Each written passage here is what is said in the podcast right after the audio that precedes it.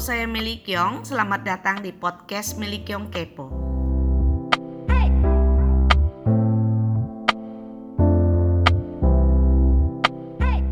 Halo, kali ini saya juga ingin kepoin yang namanya Fanny. Fanny itu adalah salah satu pengurus yang ada di Makassar Orangnya ceria sekali, tetapi di balik kekuatan seorang Fanny, dia juga banyak sekali belajar dan bertumbuh bersama mindful parenting di dalam komunitas MK. Apa sih yang dia belajar? Bagaimana sih perubahan dari seorang Fanny? Kita coba dengerin yuk. Terima kasih.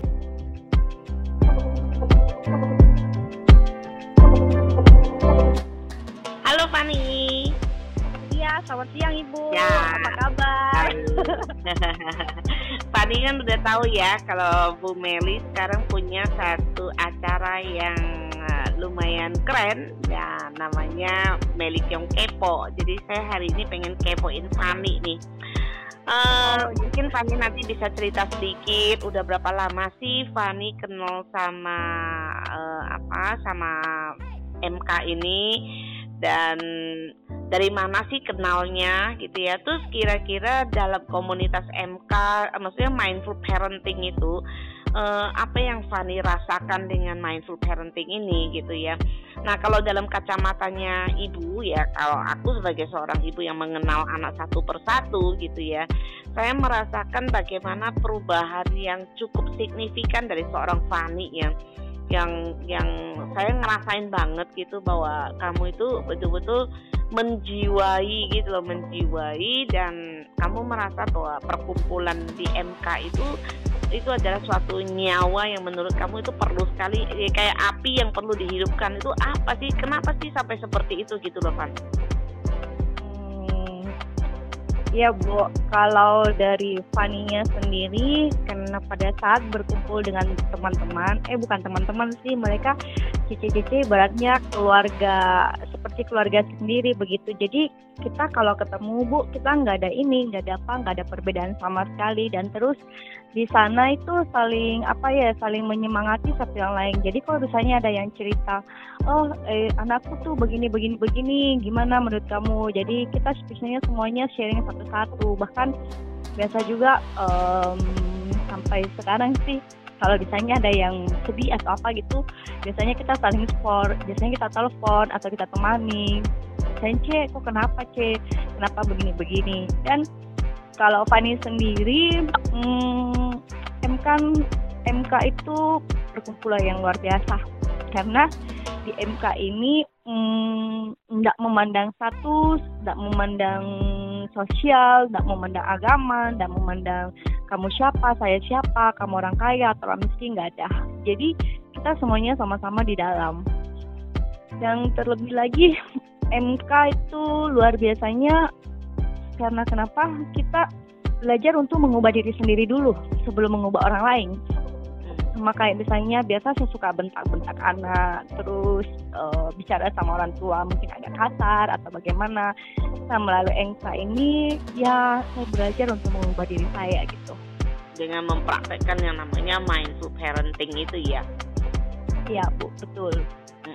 Nah efeknya dari lima dimensi itu ya kalau kalau kalau misalnya kalau dilihat dari perubahan dari seorang Fani itu kan berarti pengaruh dari mindful parenting itu kan sangat kuat sekali gitu ya gitu. Nah terus eh, tanda kutip nih Van kalau untuk di lingkungan pekerjaan juga gitu.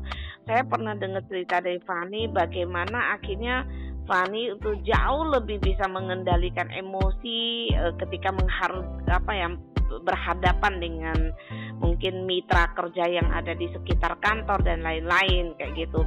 Nah mungkin boleh dicerita sedikit nggak sih apa sih gitu maksudnya pengaruh dari MP itu sehingga family itu mampu membangun satu hubungan yang lebih harmonis dengan rekan-rekan kerja di kantor. Hmm, iya, saya jadi ingat kembali Bu waktu ketika misalnya saya baru belajar MP tiba-tiba maksudnya saya sebelum saya masuk MP saya punya emosi tuh nggak terkendali. Karena kenapa? Saya tipikal orang yang kalau misalnya kalau mau marah dan saya nggak senang itu saya langsung e, ibaratnya nggak ada uang nggak ada kredit jadi kontak langsung. Jadi kalau mau marah ya marah saja gitu. Nah, saya teringat dengan satu pegawai saya dulu, dia tuh satu orang, terus kemudian cowok besar tinggi, terus kemudian saya ada suruh dia apa gitu, terus dia nggak dengar, terus kemudian dia nggak kerjakan, terus saya spontan saya uh, bentak dia sampai dia kaget dan mukanya jadi pucat. Jadi ketika saya kenal MK, terus kemudian saya belajar menginfo panti, belajar untuk memaafkan, minta maaf dan lain sebagainya. Terus kemudian saya minta maaf sama pegawai saya yang pernah saya sakiti dan lain sebagainya. Mereka langsung heran, loh ini Cici atau bukan ya? jadi mereka jadi aneh gitu. Hah, ini Cici habis minum obat atau salah minum obat ya? gitu. Jadi aduh, pokoknya terharu banget sampai terakhir itu mau resign dari Trisula, mereka semua pada nangis. Bahkan ada yang cowok juga, pegawai cowok itu menangis. Cece, Cece kenapa mau keluar dari sini? Kita sama-sama aja, Ce. Gini gini gini. Sedang enggak deh, sudah saatnya Cece keluar dari Trisula, Cece belajar lagi lebih banyak di luar gitu. Mereka hmm. pada nangis loh Bu, sampai dulu yang yang bertiga itu kami kan di dalam ruangan bertiga mereka terus peluk Cece nggak usah pergi Cece nggak usah pergi semua nggak bisa dek Cece harus keluar untuk belajar. Hmm. Ya bayangin ya. Kalau mungkin kalau dulu kalau hidupnya yang setiap hari yang emosi yang teriak-teriak yang marah-marah gitu mungkin tiga karyawan yang kapan nih orang pergi dari sini ya? Kok nggak mati aja kali ya? Nggak sampai segitu kasarnya lah ya gitu. Oke itu satu lagi fun gitu. Jadi uh, saya jadi inget juga gitu ya bagaimana Fani uh, punya satu latar belakang kehidupan di dalam berkeluarga yang tidak begitu nyaman gitu ya. Nah tentunya kan kita tidak bisa mengubah apa yang sudah terjadi gitu ya, yang sudah terjadi. Tapi yang bisa kita lakukan adalah kita berusaha untuk uh, berubah dan bisa untuk melihat ke depan itu dengan lebih optimis gitu. Nah dengan dengan adanya mindful parenting, dengan mempraktekkan dimensi demi, demi dimensi gitu Nah, kira-kira eh, apa yang positifnya yang bisa Fani bagikan khususnya untuk masalah dalam, dalam apa dalam berkeluarga itu?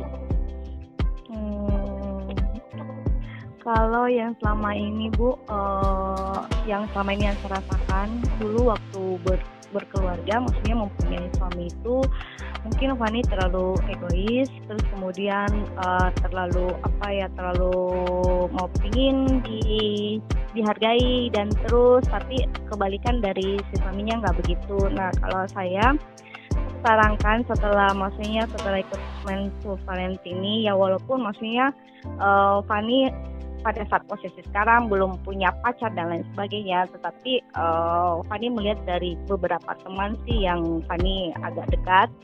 Ya ternyata sifat cowok itu maksudnya gimana ya? Kita sebagai perempuan dan sebagai istri itu maksudnya nggak ada salahnya kalau misalnya kita uh, pada saat dia marah kita diam. Terus pada saat misalnya sudah reda baru kita ngomong eh, kamu gimana kamu gimana? Terus karena kemarin sih sempat waktu habis pulang loh kok ini? Orang lain-lain ya? Kok dia kayak marah-marah begitu ya? Uh, terus pada awalnya sih uh, saya terpancing. Terus saya saya cooling down. Saya sadar oh saya mau marah nih jangan marah jangan marah. Terus uh, apa ya lulus lulus dada gitu. Terus kemudian akhirnya setelah cerita cerita oh ternyata dia nggak suka saya begini. Oh ternyata dia cemburu. Jadi ya ada ininya juga sih. Hmm. ada apanya ya? Ya pokoknya belajar lah bu. Saling mengerti satu sama yang lain. Nah artinya artinya uh, bisa dilakukan preventif lah gitu ya uh, Fadia jadi bahwa mindful parenting itu kan tidak hanya buat uh, relation bukan hanya untuk hubungan orang tua sama anak gitu.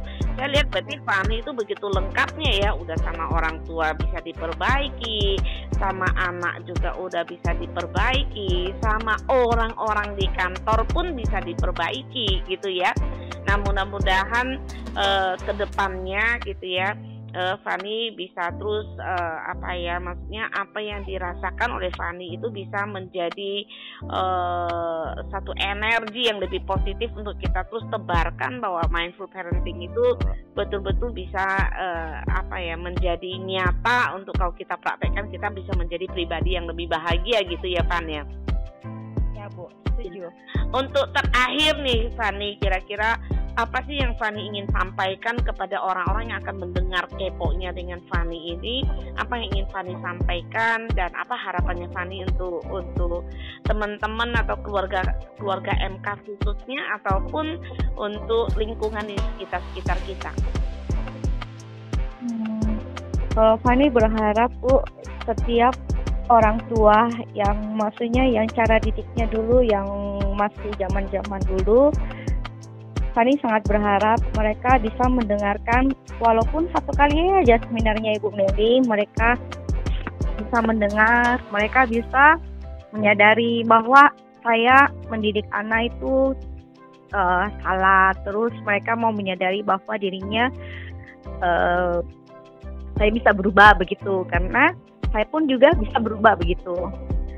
Terus untuk Indonesia-nya yang ke depan saya berharap semoga setiap orang yang maksudnya pasangan suami istri yang mau menikah sebelum mereka menikah itu mereka mengenal dulu yang namanya handphone valensi karena tidak eh, dipungkiri bu laki-laki dan perempuan kan berbeda. Tapi ketika mereka mempunyai suatu landasan landasan yang yang maksudnya ini adalah komitmen ini adalah ini yang harus kita lakukan. Anak-anak mempunyai anak-anak itu bukan suatu hal yang mudah, tapi itu pun tidak sulit buat kita karena anak-anak itu adalah titipan dari Tuhan gitu. Jadi mau mau orang tuanya mau berpisah atau tidak, yang mereka harus tetap mengakui bahwa itu adalah anaknya dia gitu.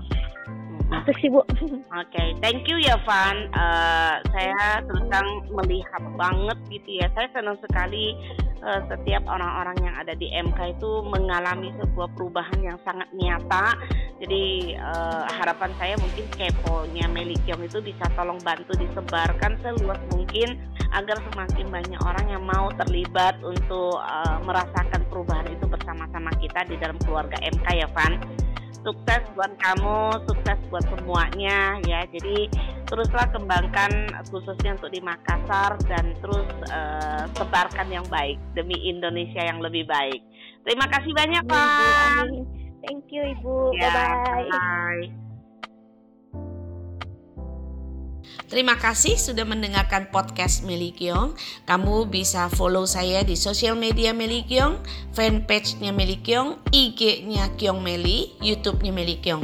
Jika ada yang ingin berbagi cerita tentang keluarga, silakan DM saya di IG atau di medsos lainnya. Nanti cerita yang menarik akan saya baca dan ditanggapi di episode podcast Meli Kiong Kepo. Podcast Meli Kiong ini bekerja sama dengan satumeja.com. Sampai jumpa di episode selanjutnya. Terima kasih.